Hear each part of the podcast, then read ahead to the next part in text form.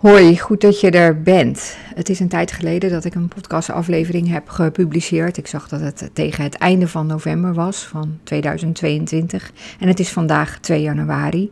Sowieso heb ik in het najaar weinig afleveringen geplaatst. Nu was ik al niet meer zo fanatiek als in 2021 voor een tijdje, toen er elke dag een nieuwe aflevering um, ja, um, te horen was. En ik weet niet hoe goed jij mij kent of hoe erg jij mij volgt. Hoe erg jij mij volgt, hoe goed jij mij volgt. Maar ehm, als je me een beetje kent en een beetje volgt, dan weet je waarschijnlijk dat het najaar van 2022 ehm, vrij rampzalig was. Ja, rampzalig klinkt overdreven, maar zo heb ik het wel ervaren. Maar laat ik beginnen bij woensdag 6 juli 2022. Het was de dag dat onze jongste dochter haar diploma kreeg voor het gymnasium dat zij cum had gehaald. Ehm, twee jaar daarvoor had haar uh, twee jaar oudere zus uh, op dezelfde school haar diploma gehaald. Maar zij was van de lichting die geen examen kon doen door de coronamaatregelen. Ehm, en de diploma-uitreiking was mooi, maar heel anders en bescheiden. En lang niet uh, zoals op deze school gebruikelijk is. Dus deze keer um, genoten we er dubbel van. De dag begon s ochtends met de diploma-uitreiking per twee klassen. Op, uh, de school heeft twee vestigingen in Leiden op haar eigen vestiging. Uh, nou, ik was toen al apetrots hoe ze daar stond in haar mooie jurk. En een uh, mooie woorden werden er gesproken. Ze had een tien gehaald voor haar profielwerkstuk. Dus dat was nog een extra leuk geitje. En uh, ik was ook vooral weer trots omdat er ook mooie waren, wo woorden waren voor wie zij is als mens, zal ik maar zeggen. Twee jaar daarvoor uh, hoorden we ook hele mooie woorden van de docent Engels, die een citaat van Jane Austen um, citeerde om onze oudste dochter te, te, te, typeren. En dat was iets met tender at heart. En ik weet nog dat uh, haar vader en ik elkaar op hetzelfde moment aankeken. En allebei voelden, uh, ja, dit is wel heel mooi. S'avonds was er, uh, nou laat ik eerst zeggen, uh, de gewoonte op de school is dat alle ouders, dat de geslaagden met hun ouders gaan uit eten gaan die avond. Voordat ze naar de Pieterskerk gaan, een hele mooie grote monumentale kerk in Leiden. Waar dan uh, voor de hele school eigenlijk, voor alle examenleerlingen, een soort afscheid is met dus twee gebouwen met allebei zes klassen. Hartstikke veel, iets van 150 leerlingen met ouders. Dus een hele volle, niet 150 leerlingen, 150 leerlingen per vestiging. Dus ongeveer. Dus 300 leerlingen met allemaal ouders. En um, nou ja, ja, een hele volle zaal zou ik maar zeggen. Um, en wij gingen dus met z'n vieren uit eten. Dat hadden we twee jaar geleden ook gedaan, dat kon toen wel. Dus uh, mijn ex, uh, de vader van onze kinderen en onze twee dochters en ik. Daarna was die bijeenkomst in de Pieterskerk en het was super mooi. Uh, alle kinderen, leerlingen kwamen onder geklap binnen en er waren optredens. En daarna was er een borrel. En na die borrel dacht ik, uh, wat raar dat we helemaal niet met andere ouders hebben gepraat. Ik kende best wel ouders die, die van andere leerlingen, die ik ook een tijdje niet had gezien, die ik best leuk vind. Uh, de ouders van het vriendje van mijn jongste dochter waren, die had ik ook nooit echt gesproken, behalve over de app. Zijn ze bij jou? Uh, weten jullie waar ze zijn? Dat soort dingen. Of soms hoor, want zo zit ik er nou ook weer niet bovenop. Maar soms heb je dat, dat je denkt, hé, hey, op een doordeweekse dag, ze is nog niet thuis. Um, en ik dacht, wat raar eigenlijk, want wat wij deden, uh, de vader van mijn kinderen en ik, was biertjes drinken. Met z'n tweeën. En honderd uit kletsen. en het heel gezellig hebben. We bleven hangen tot de taps dicht waren en we echt het gebouw moesten verlaten. En ik dacht, ja, dat is zo vaak gebeurd in ons leven. Want ehm, wij zijn 16 jaar samen geweest en ik was 27 toen we een relatie kregen en we hadden de eerste 10 jaar geen kinderen. Dus we hebben, en we hielden allebei van uitgaan, van feestjes geven, van naar feestjes toe gaan. En wij waren echt zo'n stel dat altijd uh, de deur uitgezet moest worden, zo ongeveer. We gingen heel vaak uh, wat drinken in een café. Uh, ja, het was gewoon een heel gezellige periode ook. En die avond kwam dat een beetje terug. Omdat wij daar, hij bleef biertjes voor mij halen. We raakten niet uitgepraat. We hadden het gezellig. Het was heel erg een avond als vanouds. En ik herinner me ook dat ik zo trots op ons was. Nou, trots om hoe we die dag hadden beleefd, om hoe we um, zo dicht bij elkaar waren die avond. Maar ook dat twee van onze kinderen um, met prachtige cijfers het gymnasiumdiploma hadden gehaald. Want dat was helemaal niet vanzelfsprekend.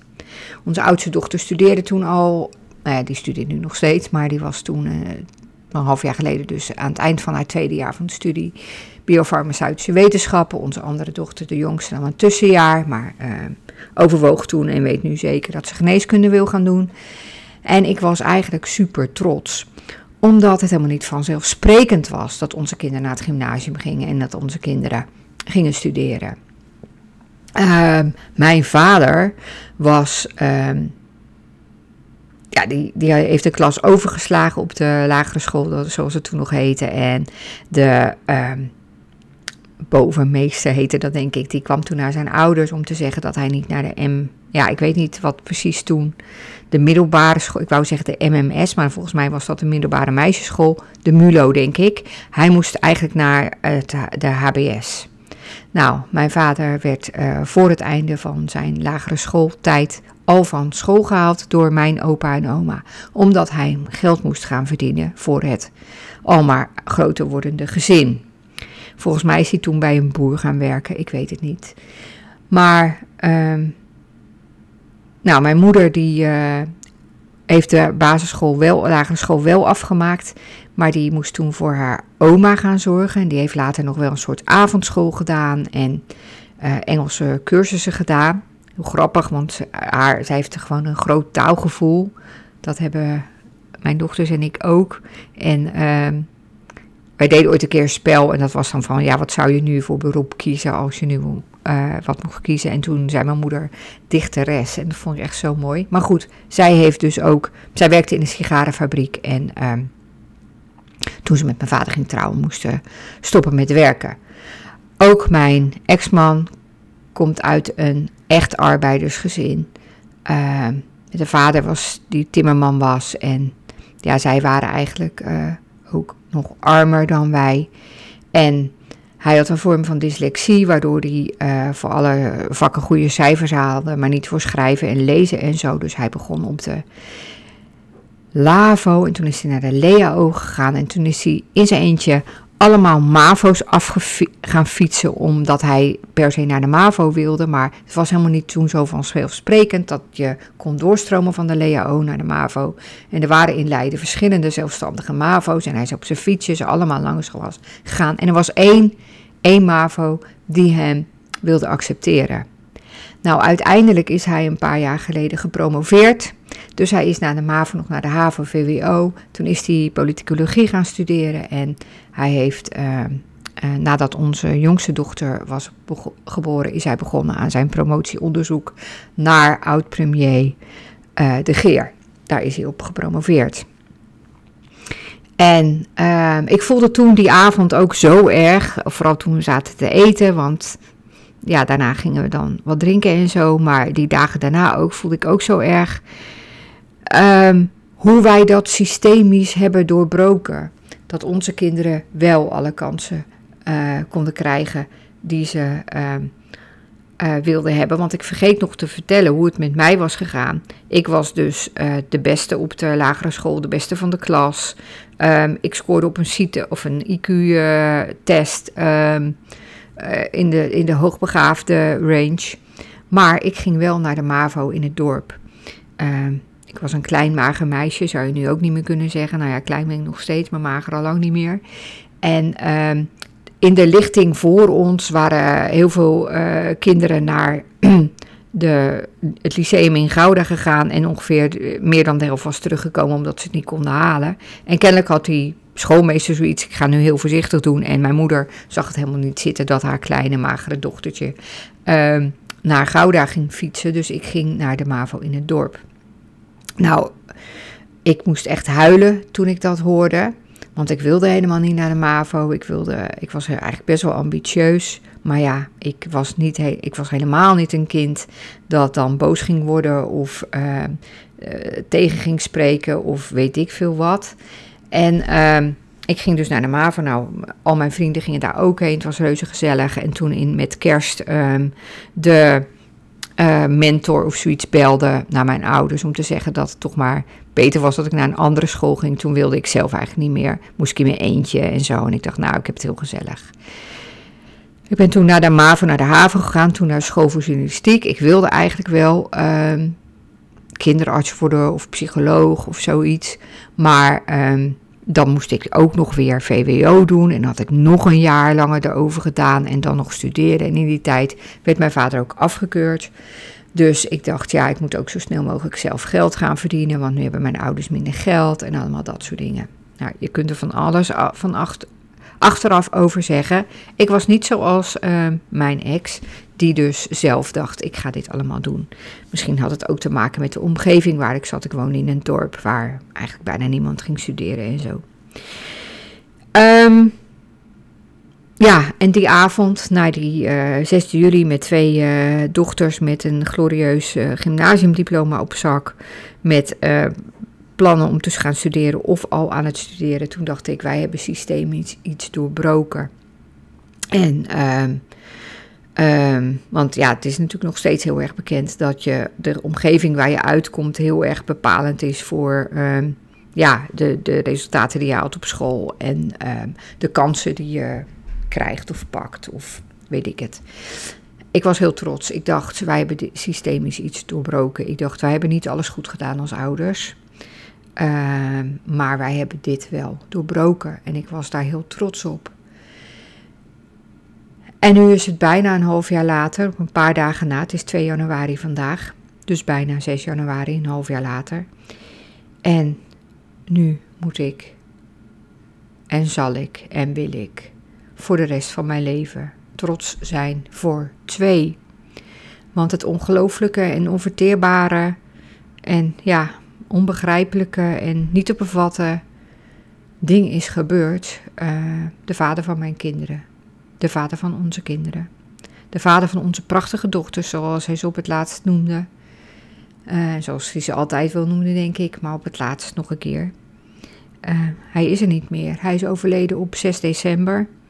Twee maanden en een week nadat hij uit een onderzoek bleek dat hij een tumor had. Een week later bleek dat het heel erg uitgezaaid was. En een week later bleek eigenlijk dat er niet echt mee iets aan te doen was. Hij heeft toen nog wel uh, een chemokuur gedaan. Maar het was eigenlijk klap op klap op klap. Terwijl hij er ja, heel erg geschokt was natuurlijk door het nieuws. Maar ook heel erg vastbesloten was om dit te overwinnen. Ervoor te gaan. Niet alleen voor onze prachtige dochters, maar ook voor het dochtertje van acht. Dat hij nog met zijn vriendin heeft gekregen. Hij was ja, hij. Uh, ik zal niet in details treden, maar hij deed er alles aan om, om aan te sterken, om, om hier heel goed doorheen te komen, om ja, nog het beste van al zijn tijd te maken, nog heel veel quality time te hebben. Allemaal dat. En hij kreeg klap op klap. Hij stond eigenlijk de hele tijd 10-0 achter en dan stond hij 10-0 achter en dan werden er in de tussentijd, kwam hij nog verder, nog weer 10-0 achter. Het was een hopeloze exercitie en je zag hem heel snel achteruit gaan. Terwijl hij ook heel moedig bleef.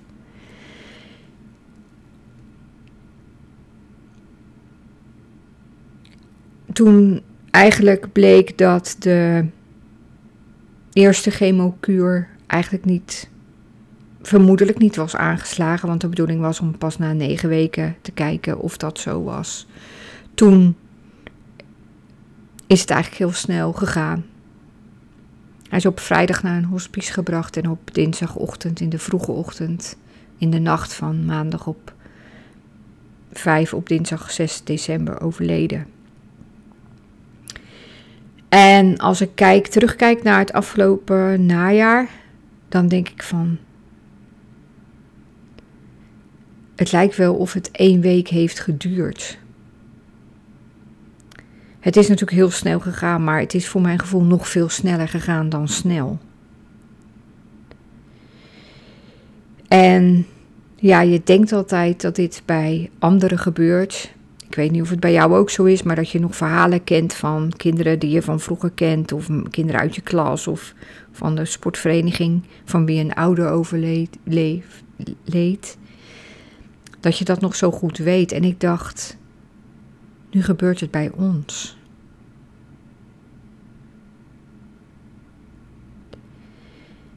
En ik had zelf al heel snel het gevoel, eigenlijk, ja, ik zal even niet zeggen hoe snel, maar heel snel het gevoel dat het niet goed zou aflopen. En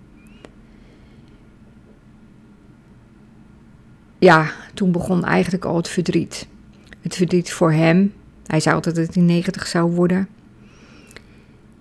En hij was ook echt zo'n levensgenieter.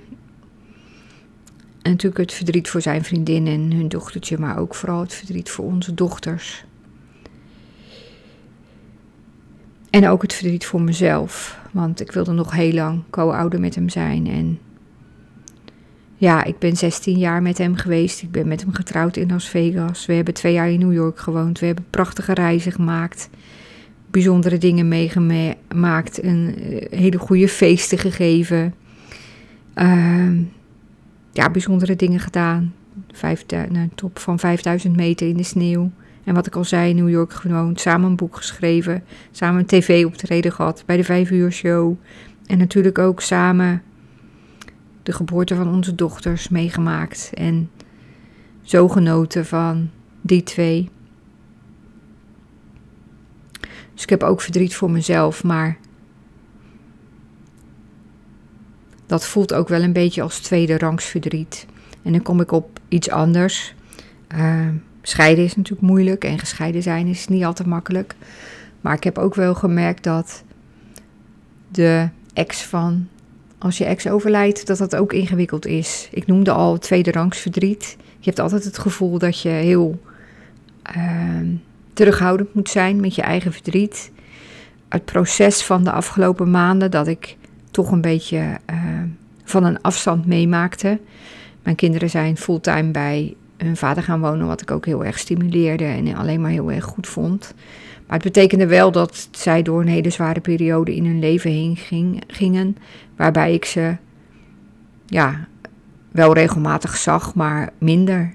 Dat vond ik moeilijk en dat vind ik nog steeds moeilijk, want nu gaan zij door hun rouwproces heen en uh, ze wonen nog steeds uh, bij de vriendin. Ze komen af en toe wel eten en bij ons slapen, maar ze zijn daar voor het grootste gedeelte. En ja, welk verdriet geef je, welke plek geef je je eigen verdriet? Um, ik merk ook dat het voor anderen soms lastig is om daarmee om te gaan. Mm. En dan heb je nog natuurlijk, ik heb een, ben in 2019 getrouwd met mijn nieuwe man. En uh, mensen vragen ook, hè, hoe, hoe gaat hij ermee om? En hij gaat er heel goed mee om en hij kan ook heel goed met mijn verdriet omgaan. En daar is ook alle ruimte voor en daar ben ik heel dankbaar voor. Maar ik snap ook wel dat het voor hem ook lastig is. Ik ben toch uh, vaker verdrietig, uh, had minder zin in dingen. Uh, we zouden naar Rome gaan. Ja, dat is niet doorgegaan. Het leven stond een beetje stil en voor hem ook. Maar uh, ik ben, zoals ik al zei, ook heel dankbaar voor hoe hij ermee om is gegaan. We hebben bijvoorbeeld op een gegeven moment geïntroduceerd om s'avonds een spel te gaan doen. Doen we nog steeds. Als we allebei thuis zijn, in plaats van ja, dat de een voor de tv zit, niet ik, en de ander uh, een podcast luistert of een boek leest of op zijn telefoon zit of uh, uh, sudoku maakt. Um, ja, om sowieso afleiding te hebben. Een spel doen, ik ben heel fanatiek in spellen, dus dat geeft heel veel afleiding. En uh, het is ook gezellig en je doet iets samen. Dus dat heeft mij, ja, het klinkt als een heel klein ding, maar dat heeft mij eigenlijk best wel heel erg geholpen. Uh, ja, en ik, ik, ik probeer niet heel erg met mijn verdriet. Ik probeer de juiste plek te vinden, in te nemen uh, qua zeg maar, dat het ook, ik weet dat het tweede rangs verdriet is, dat ik niet de weduwe ben, niet de, het kind dat een ouder is verloren. Um, aan de andere kant um, ben ik de andere ouder. En voel ik het verdriet van mijn kinderen natuurlijk heel erg. En voel ik zijn verdriet ook heel erg. En ja, 16 jaar van je leven met iemand doorbrengen is ook um, best lang. En ik weet ook dat er altijd een plek voor hem is geweest en is en blijft in mijn hart. Omdat ik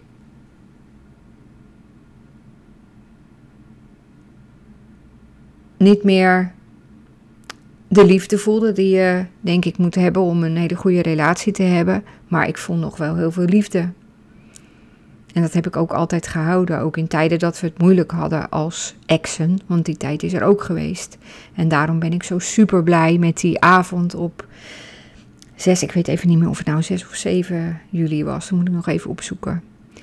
Maar daar ben ik zo blij mee geweest, omdat dat zo'n ouderwets gezellige avond was en we zo, ja, ik gewoon weer wist waarom we elkaar zo lang zo leuk hebben gevonden. En waarom we het zo lang zo gezellig hebben gehad. En waarom we zo goed samen uh, leuke gesprekken konden hebben. En um, biertjes konden drinken. En uh, ook zo samen zo blij waren met onze kinderen. Dus dat koester ik als een super mooi geschenk. En denk wel eens van, wauw, dat dat nou zo vlak daarvoor is gebeurd. Wat een wonder is dat. En hoe dankbaar kan ik daar niet voor zijn. Ik ben ook dankbaar voor de plek die ik heb gekregen. Want ook dat is natuurlijk, welke plek neem je in aan het einde. En ik, uh, ik ben uh, een paar keer uh, bij hem op bezoek geweest. Nou ja, op bezoek geweest, bij hem langs geweest.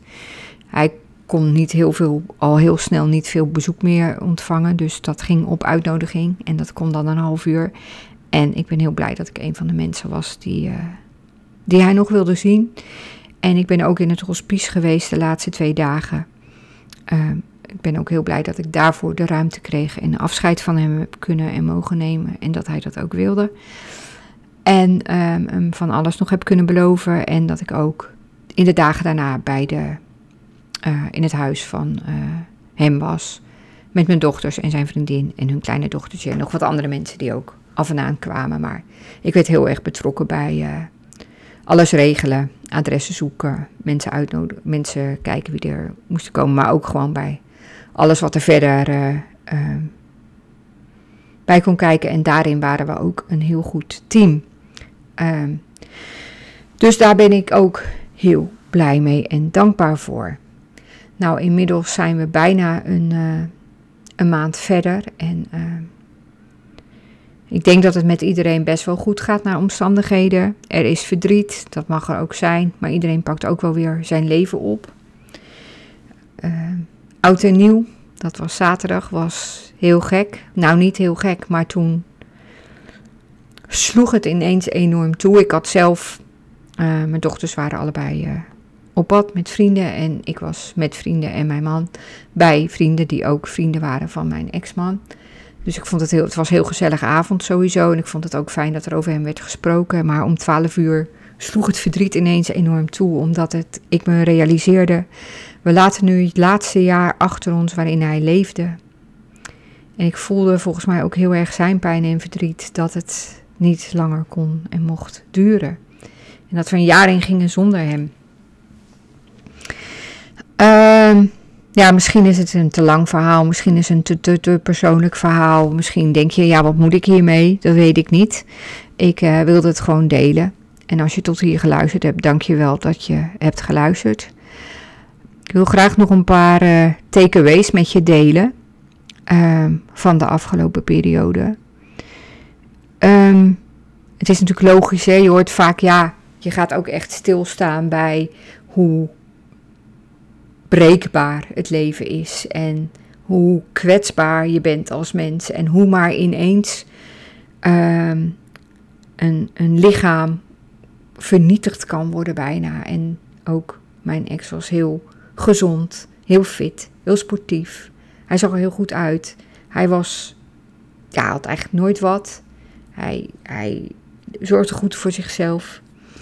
En uh, dat hem dat was kon overkomen, ja, dat gelooft eigenlijk niemand.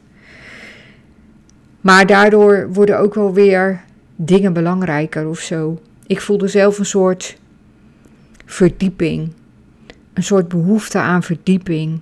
Verdieping in uh, de dingen serieus nemen, alles. Maar ook een soort verdieping dat ik dichter bij mijn hart wilde komen. Dat ik dichter bij mijn gevoel wilde komen. Ook hierover zal ik niet in details treden, maar er zijn dingen geweest die ik zo voelde en dat mijn intuïtie zo sterk was. Dat is gewoon niet normaal. Dat kan geen toeval zijn. En ik wil eigenlijk nog veel meer mijn intuïtie gebruiken. Ook in coaching denk ik dat ik dat nog veel meer kan gebruiken. Dat ik gewoon, ik zie gewoon, gewoon dingen soms. Ik krijg soms van die downloads. Ik, dan denk ik, ja, ik zie iets voor jou en jij ziet het zelf nog niet, maar ik zie het al. En dat, die, die kracht, die ik heb, ik ben iemand die heel erg rationeel is geweest. En ik, ik wil je ratio ook helemaal niet een ondergeschoven rol geven. Ratio is ook belangrijk, maar je gevoel is minstens zo belangrijk. En ik ben daar al veel meer op gaan intunen, zeg maar. Maar ik denk dat ik dat nog veel meer kan. Dus daarom ben ik ook heel blij dat ik uh, heb besloten om in te stappen in het uh, Lead by Heart programma van Tess Keizer van End Heart. Dat gaat heel erg over ja, je hartintelligentie, de wijsheid van je hart nog veel meer gebruiken en daar ook veel over leren. Nou, ik hou heel erg van nieuwe dingen leren, dus ik wil heel graag uh, dingen leren over de wijsheid van het hart. En ik wil vooral, ik denk dat ik in mijn gewone persoonlijke leven al veel meer nog mijn hart volg, maar dat dat in business nog veel meer kan.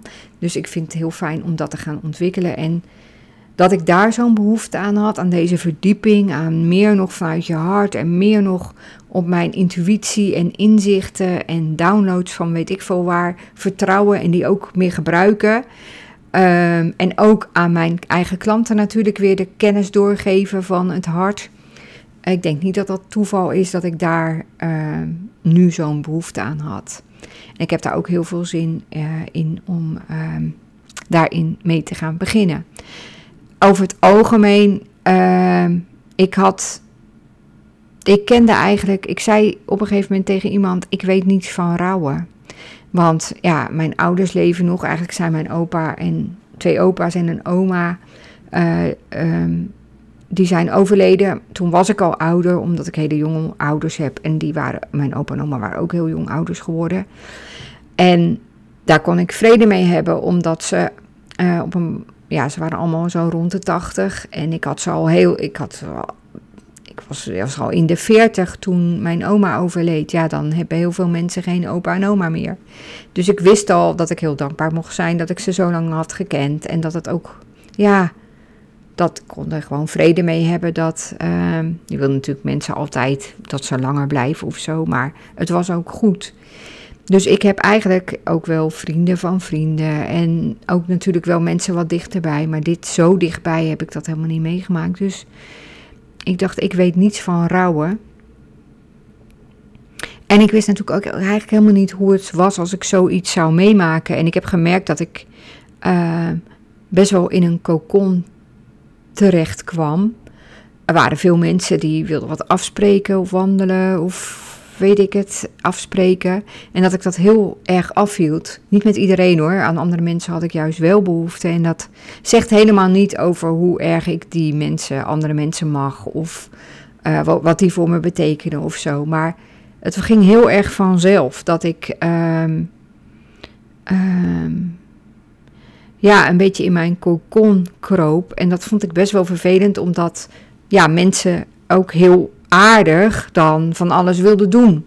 Je merkt heel erg dat mensen in je omgeving willen iets doen. Dus het, het meest voorkomende ding is dan even iets afspreken. Een thee drinken, ehm, iets anders gaan drinken. Ehm, kom je langs? Zal ik langskomen? Zullen we gaan wandelen? En ehm, ja, dat ik uh,